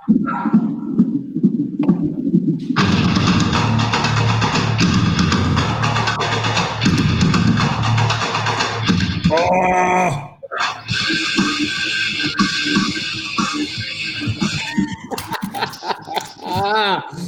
Oh. Hoe lang is het geleden, Kamphuis, dat jij dat hebt gedraaid? Heel lang geleden, man. Aha. Gewoon neerzetten. Maar lekker toch? Oké. Lekker toch. Oké, maar... het- Ja, maar Als het, als het, ja, mag uit. Als het goed is, hoef ik verder niks meer te zeggen, toch? Guys? Nou, een beetje wel hoor. Kom op. eh. je moet het even een beetje aankleden. In, inkleden Hey. voor de luisteraars. Refuse! Resist! Van?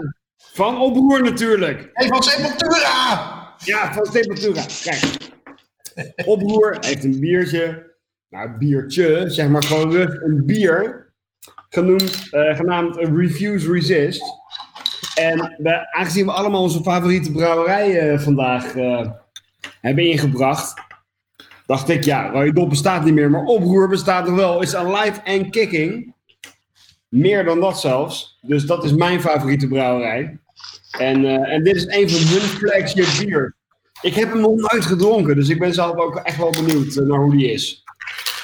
Ik Oké, ben ook nou. wel knijter benieuwd. Dan zeg ik proost, gasten. Proost, guys. Cheers. Ik zet hem hier even op de achtergrond aan.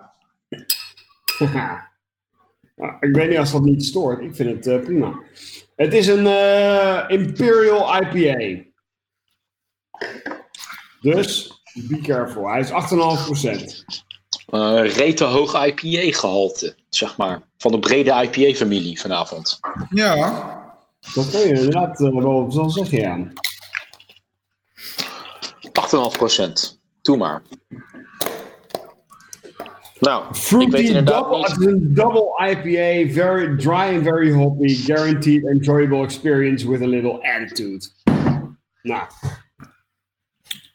Ik eh, weet niet of ik inderdaad corona aan mijn, eh, aan mijn neus holte heb. Maar opnieuw ruik ik niet zo verschrikkelijk veel.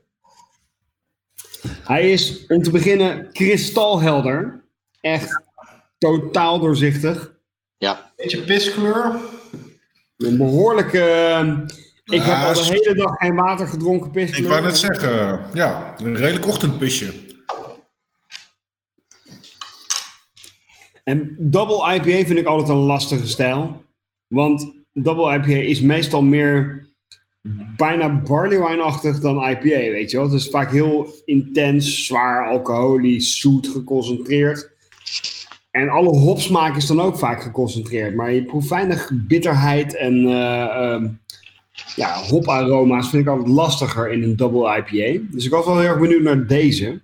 Een, een, eh, ik vind de storting in een double IPA altijd zo. zo dan, daarmee wordt die IPA zo moutig. Het, is niet dat je daarmee dus een, een ontzettend bitter bier krijgt. Ja, dat krijg je ook wel, maar er zit een ontzettende eh, de moutzoetigheid tegenover. Mhm. Altijd alsof je een soort van, van de bambix naar binnen aan het werken bent met eh hopsmaak. Ja, het, het wordt altijd een super intens, zwaar, op, op alle mogelijke vlakken. Alle schuifjes van het mengpaneel staan helemaal open. Maar ik moet zeggen, bij deze vind ik dat meevallen. Ja, wat vind je van deze? Ja, ik vind hem niet zo. eh, ik vind hem zeker niet, niet, niet moutig zwaar. Ik vind hem ook niet per se heel hoppig of heel bitter. Van de vier bieren die we vandaag hebben gehad, vind ik hem nog het meest verwant aan het Leidsbiertje, aan de blonde. Ik vind hem meer verwant aan het blonde dan aan de twee eh, New, New England IPA's. Nou, dat lijkt me logisch toch? Dat vind ik niet zo heel raar, nee. Nee, waarom niet? Dit is een double IPA, de, maar de twee andere IPA's eh, zijn het minst verbonden met deze. Ja, de, de twee vorige zijn allebei in een eh, relatief zeer jonge stijl. Die een totale andere uitgangspunten eh, heeft. En eh, de, de, de combi tussen mout en hop die jullie, die jullie eh, eh, net bespraken. Daar is een officiële ratio voor. De hoeveelheid hop ten opzichte van eh, moutsuikers. En als je een dubbel IPA maakt, als je de verhouding hetzelfde houdt, dan kan je eenzelfde balans bereiken als je bijvoorbeeld dit biertje doet. Hier komt de hop niet bovenuit, hier komt de mout niet bovenuit. Ik vind dat dit een heel mooi gebalanceerd biertje is. eh, en ja, het is een IPA van 8%. Dan doen we een Double of Imperial IPA. Het- maar het heeft En- die, die eh, hop-karakters die je hoopt bij een IPA toch te kunnen identificeren. Ja, IPA begint tegenwoordig een beetje een paraplubegrip te, te worden natuurlijk. Ja, of dat was het natuurlijk misschien al.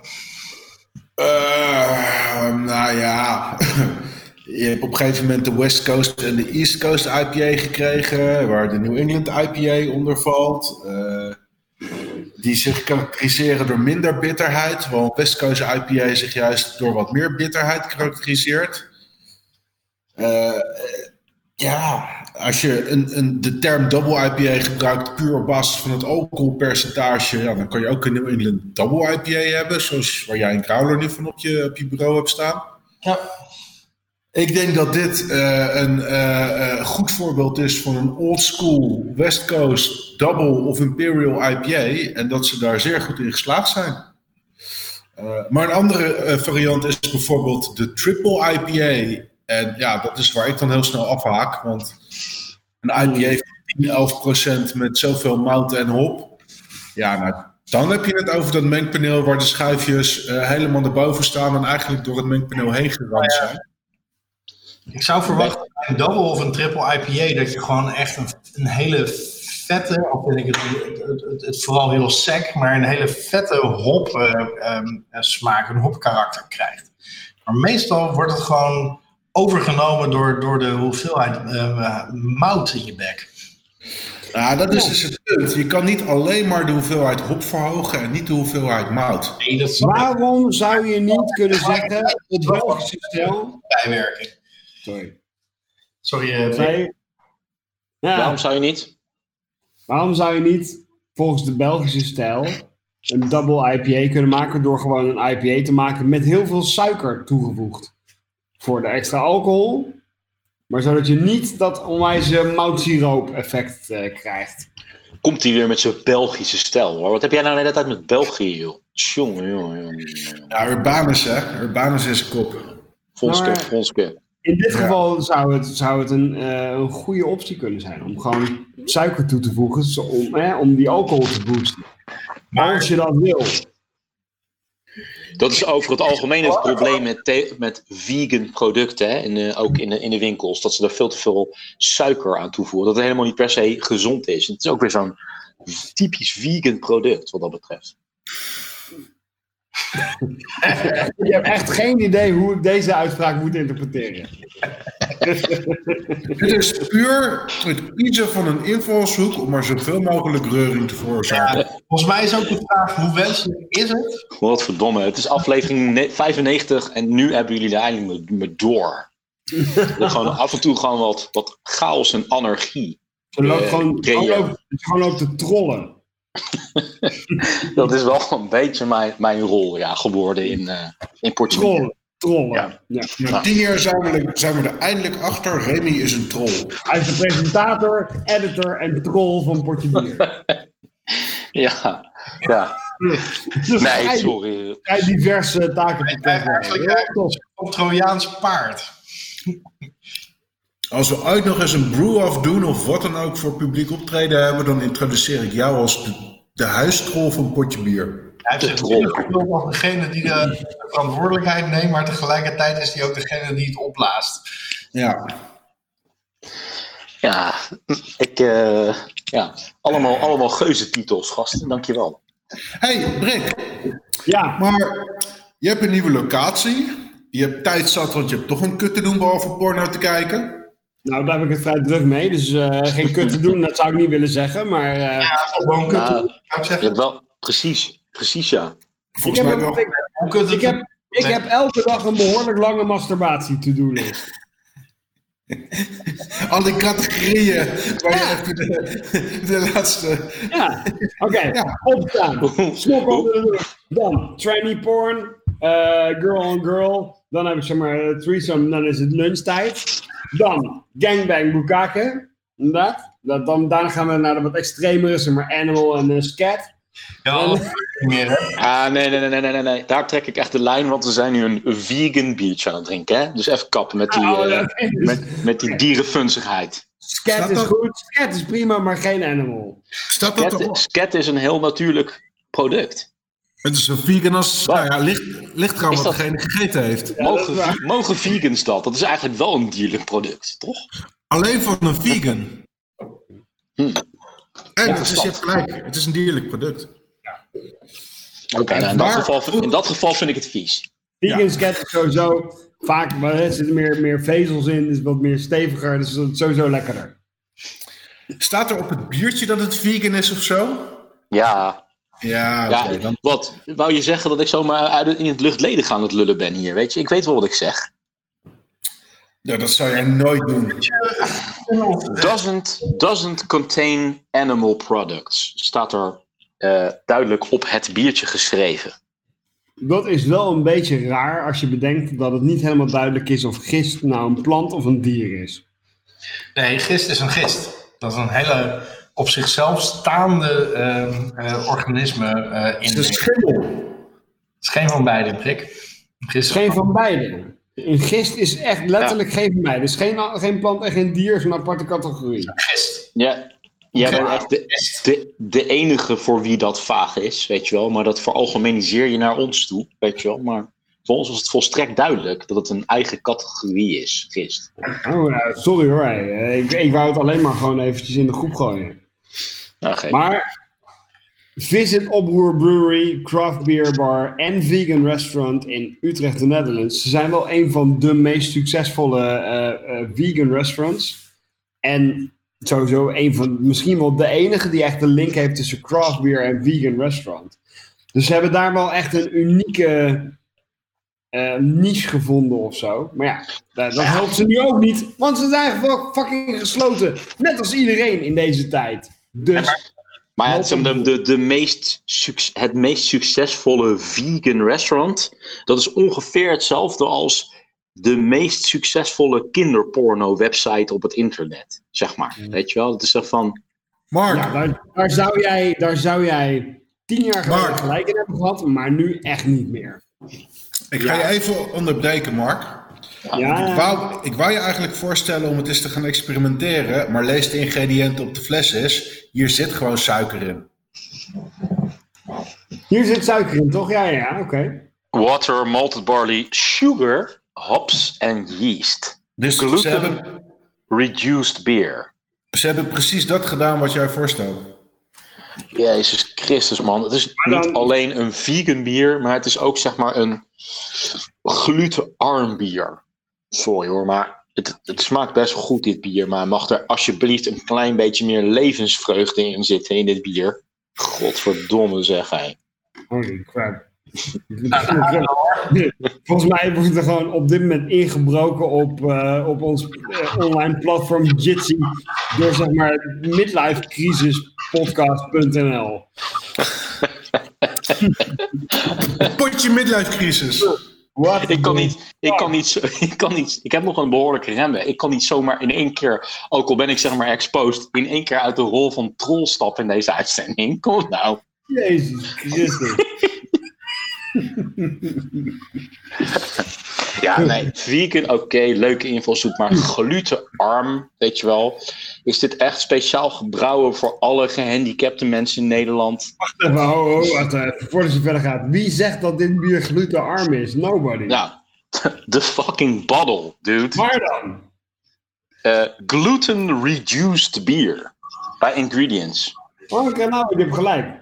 Ja, natuurlijk heb ik gelijk. Ik had net ook gelijk toen het vegan bier was. Waarom, waarom trekken jullie de hele tijd mijn mening in twijfel? De hele tijd. En deze wel- keer, en je hebt totaal gelijk, hier staat letterlijk gluten-reduced beer. Dat, is wel, dat is wel redelijk leem. Dat is van, je hebt een pinda-allergie, dus er zitten maar een paar pinda's in. Precies. Dat is wel, oké.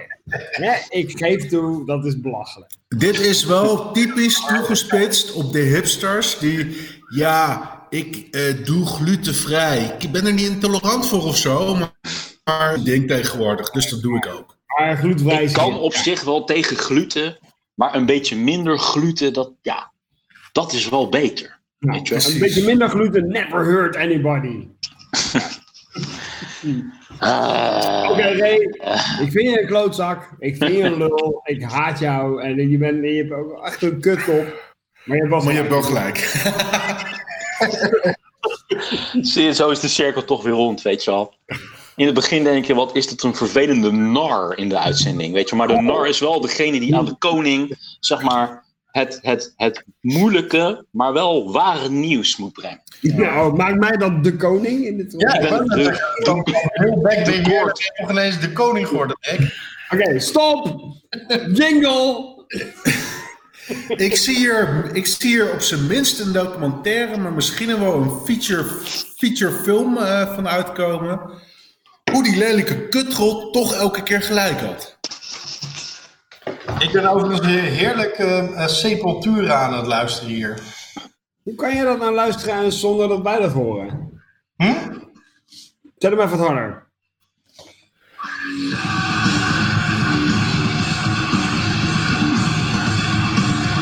Nou, case in, case in point, zeg maar, die, dat Sepultura-nummer is alles wat dit bier niet is. Ja, ik merk dat het heel eventjes moet landen, weet je wel. Maar het is, dit is er weer zo eentje die over een paar minuten krijg ik weer gelijk, zeg maar. je zegt iets en dan Ik bedoel, twee seconden we je, noemen het- we noemen dit moet landen. Dat is een goede strategie. Als, als dit bier, zeg maar, refuse en resist heet, dan is dat, zeg maar, vanuit de brouwer een boodschap aan al die, aan al die slachthuizen en al die glutenfabrieken van de wereld. Want daar, daar zeggen ze tegen, we refuse and resist that Al die shit. bakkertjes bedoel je. Al die bakkertjes.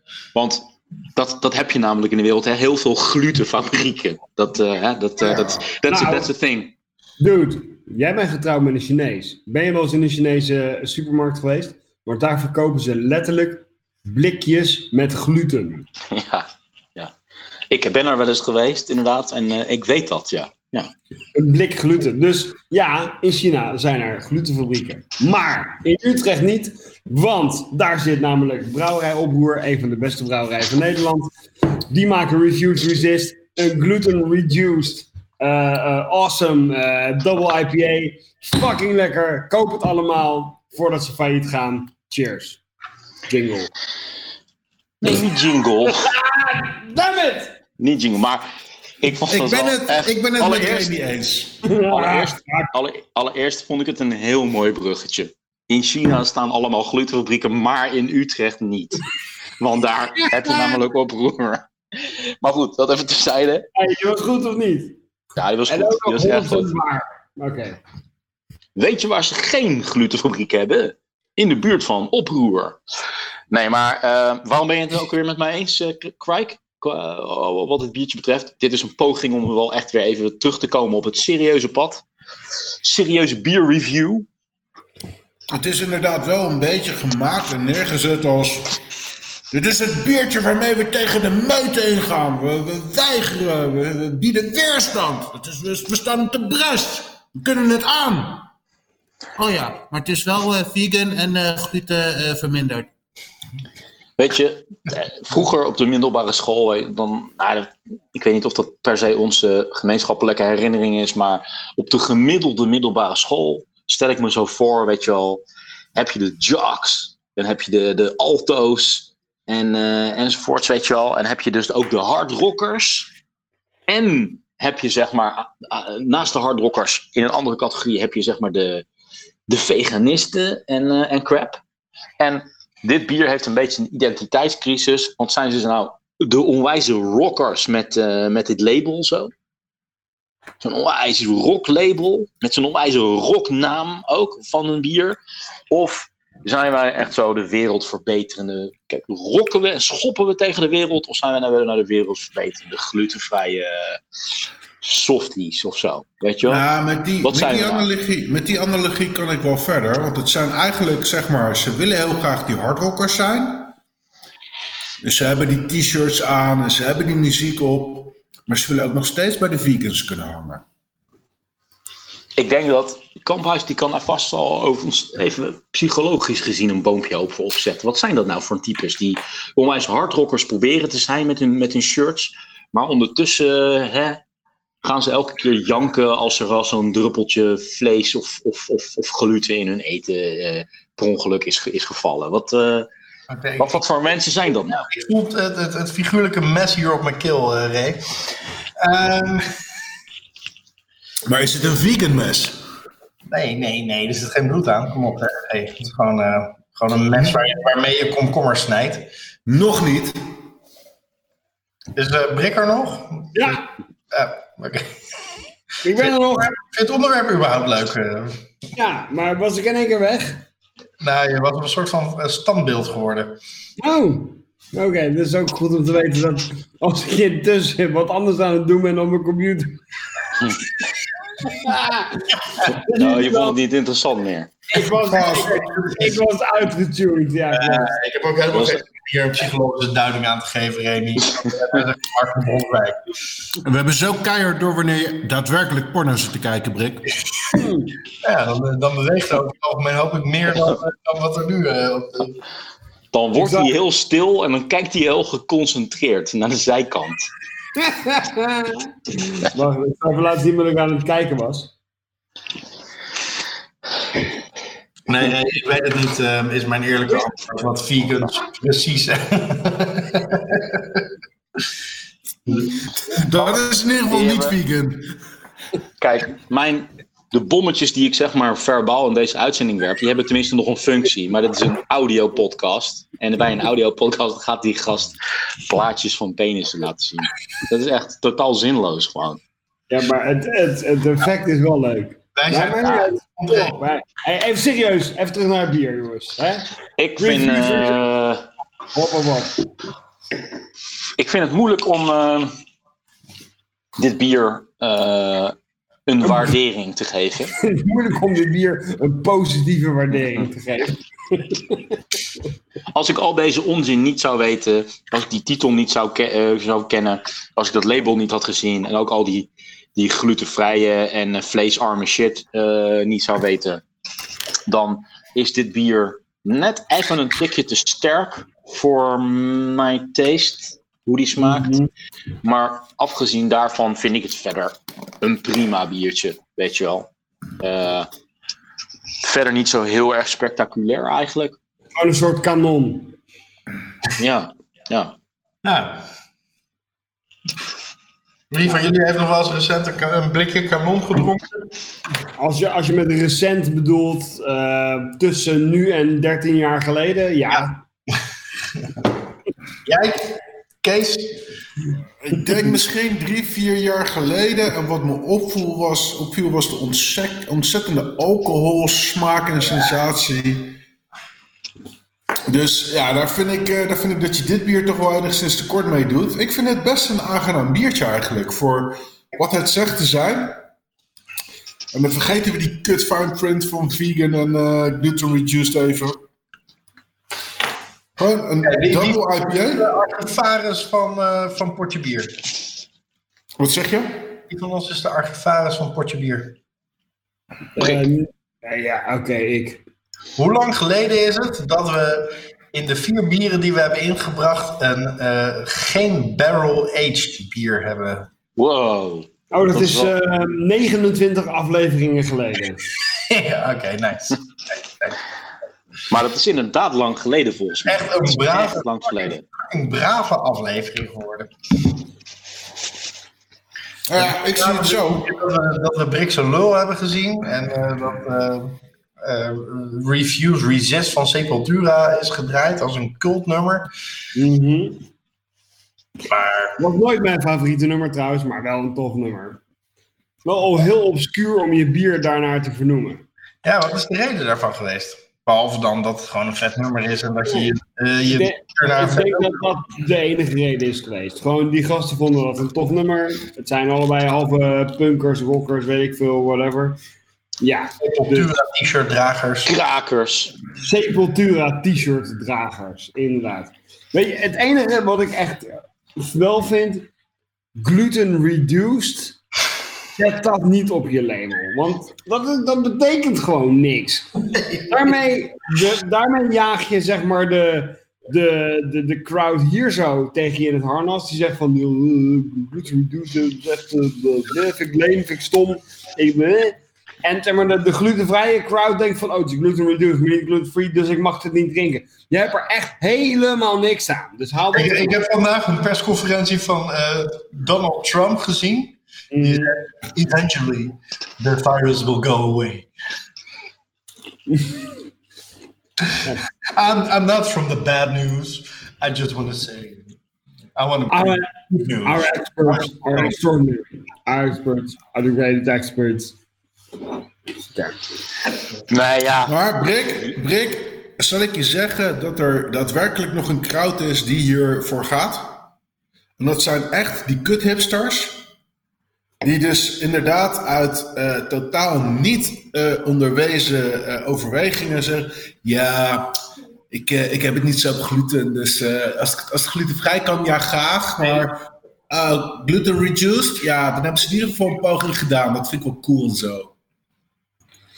Ik geloof dat die crowd bestaat, maar dat lijkt mij, persoonlijk lijkt me dat niet de crowd waar je het van moet hebben qua merkloyaliteit. Want dat zijn natuurlijk heel erg makkelijk beïnvloedbare types. Totaal. En eh, ik ben het, het totaal met jullie eens dat gluten reduced. eh, waarom zou je in hemelsnaam de moeite doen? Want het is net niks. Doe dan de moeite niet. Ja, ik bedoel, het is gewoon verder een prima biertje, weet je wel. Dus waarom moet er zoveel ruis omheen zitten met al dat gezanik en gezeik? Ik bedoel, eh, Ah, Maar er, maar er zit helemaal niet zoveel gezanik omheen. Wij maken er heel veel gezanik omheen. Het is een bijzinnetje op het label. ja, maar het, is, maar het is wel een stukje filosofie. Precies, is het geen hoofd? Is het geen. geen, geen... Ze doen een extra stap, want waarschijnlijk hebben ze een enzym toegevoegd om die gluten voor een groot gedeelte af te breken. Waarom zou je die extra stap doen zonder dat je er een absoluut resultaat mee behaalt? Oké, maar, maar wat jij nu zegt, als dat echt zo is, als zij echt die extra stap hebben gedaan en dat enzym hebben toegevoegd, dan zou ik dat letterlijk wel eens aan hun willen vragen. Nee, dat is allemaal niet de reden.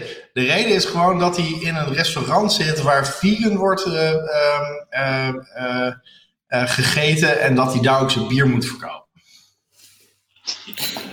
Precies wat ik zeg, dus weet te je. komen naar het restaurant allemaal van die klootzakken die Ja, dan... maar zeggen vegan en gluten hebben geen kut met elkaar te maken. Nee, Nee, maar...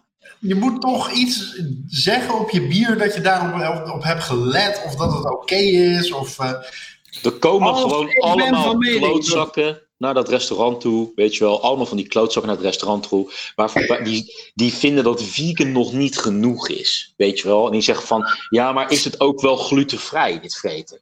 Dat, eh, zo is het gewoon ontstaan hier. Weet je? En als dat, als dat de, de, echt de reden is, en de- dit is hun oplossing en het werkt, oké, well, kudos. Goed gedaan. Ik zou hetzelfde doen. Tuurlijk. nee, nee, nee, maar natuurlijk doe je hetzelfde. Alleen, weet je, het is gewoon zo niks zeggend. Ik zou het letterlijk niet doen. En eh, ik. eh, eh, En hoe vegan zijn jouw medes eigenlijk, eh, Kees? Nou ja, precies. Ik ben daar dus niet zeker genoeg van om erop te zetten dat het een glutenvrij alternatief is. Dus ik zet het er niet op. Maar komt er überhaupt iets van tarwe of, of, of, of gerst of zoiets aan te pas?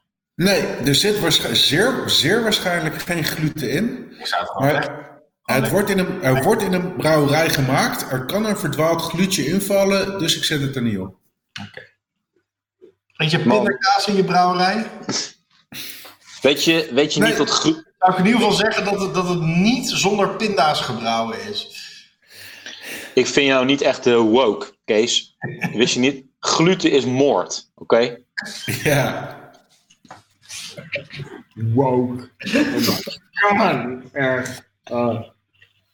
Uh, tien jaar lang potje bier om uit te komen of ik zie je niet echt woke. My god. Uh, Eh, is dat onze cue om maar even een winnaartje te gaan uitkiezen van, eh, van, eh, van deze maandgasten? Overigens ben ik niet de eerste die dat gaat zeggen. Ik denk? Rick. hebben we dit hele, dit hele gesprek opgenomen of niet? Ja, natuurlijk. Niet. Oh nee, gelukkig. Ja, nee. Wij eh, hadden vandaag eh, vier bieren eh, speciaal geregeld door onze vriend Crick.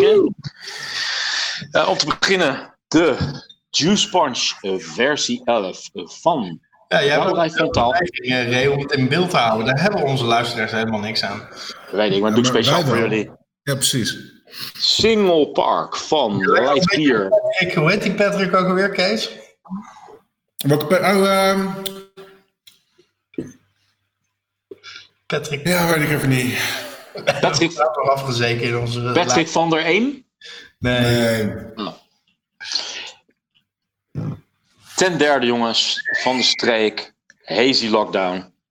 En eh, tenslotte het glutenarme bier van Oproer. Reviews and Resist Meat. Refuse and resist meat? What the fuck? Ja, ik heb het, ja, ik heb het gewoon iets. Ik heb het gewoon een kle- klein extra naam, extra woordje aan, aan, aan geplakt. gewoon nog even gewoon vlees. Let's refuse and resist animal suffering. animal suffering kwadraat. Ja, With this beer you support animal dying painfully. we, we laten gewoon totaal eventjes achterwege met deze opmerkingen dat de hele reden dat we in een coronacrisis zitten, is die hele fucking bio-industrie en die rare markten in eh, Wuhan, waarbij al die dieren tegen elkaar aangeplakt in kooien zitten, waarbij die virussen van het ene animal op het andere animal over worden enzovoorts. Maar goed, Brik, wat bier kies jij voor als winnaar van deze maand? Hazy motherfucking lockdown, bitches. Want Oh, oké, interesting. de meest soepele, lekker wegdrinkende, geen eh, gedachtenvrije, zorgenvrije bier wat we hier eh, gehad hebben vandaag. Godver, wat een lekker biertje in een mooi blikje van onze broeders van Van de Streek. Nice. Nee, maar we hebben allemaal echt, ik vond alle bieren goed.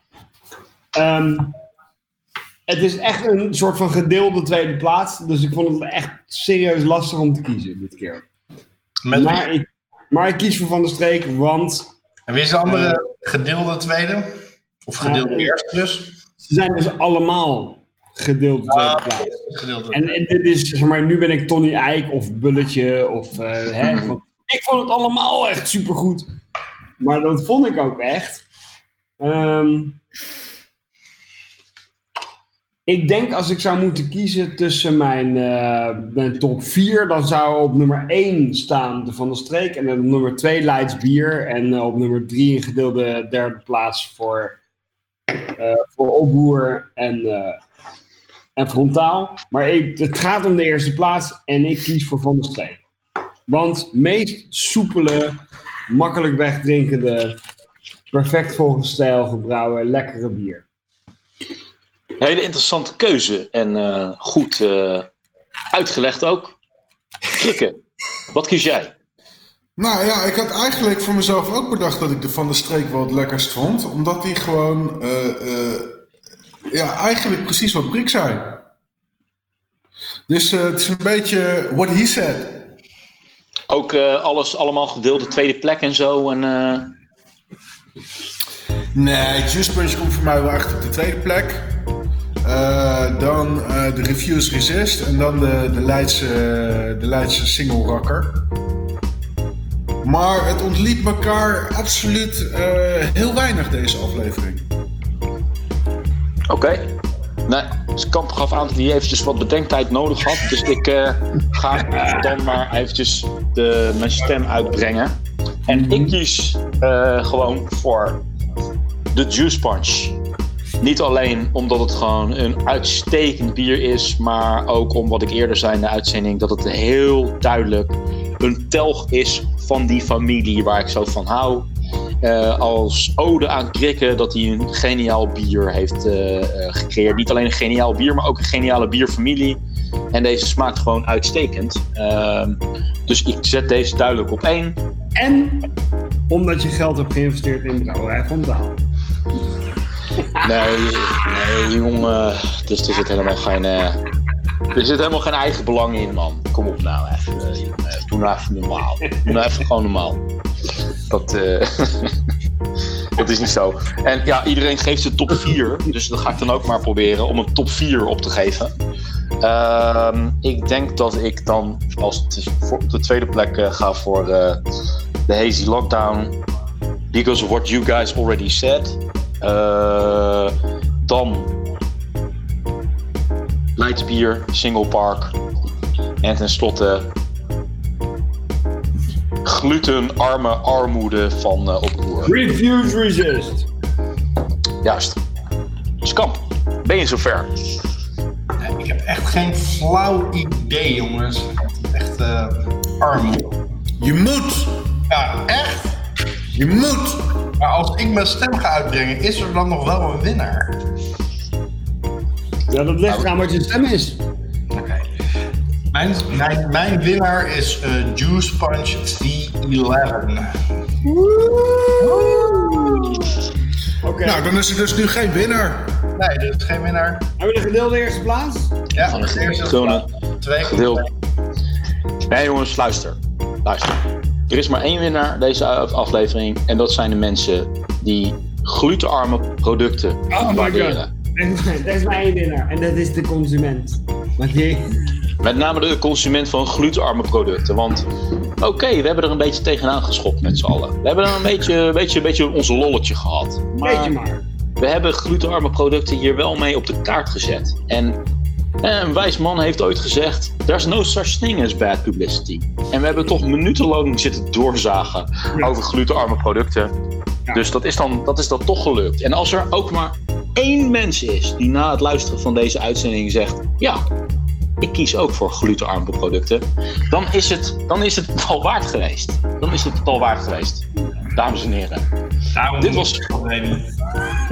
Daarom Dit was Portje Bier. Mijn naam is Demi Wigmans. Jeroen Krikker. Martijn Kamphuis. Mark Brak. Blijf reageren via Soundcloud. Potje bier. Vier. Lekker. Verder. Buiten was het 12 graden. Binnen was het een potje bier van je welste. Dit was de podcast Potje Bier. Potje Bier werd gemaakt door Remy Wigmans, door Martijn Kamphuis, door Jeroen Krikke en Mark Brak. Blijf reageren natuurlijk via Potje Bier Twitter, bij Potje Bier op Facebook en natuurlijk onze website potjebier.nl. Vier lekker verder. Proost.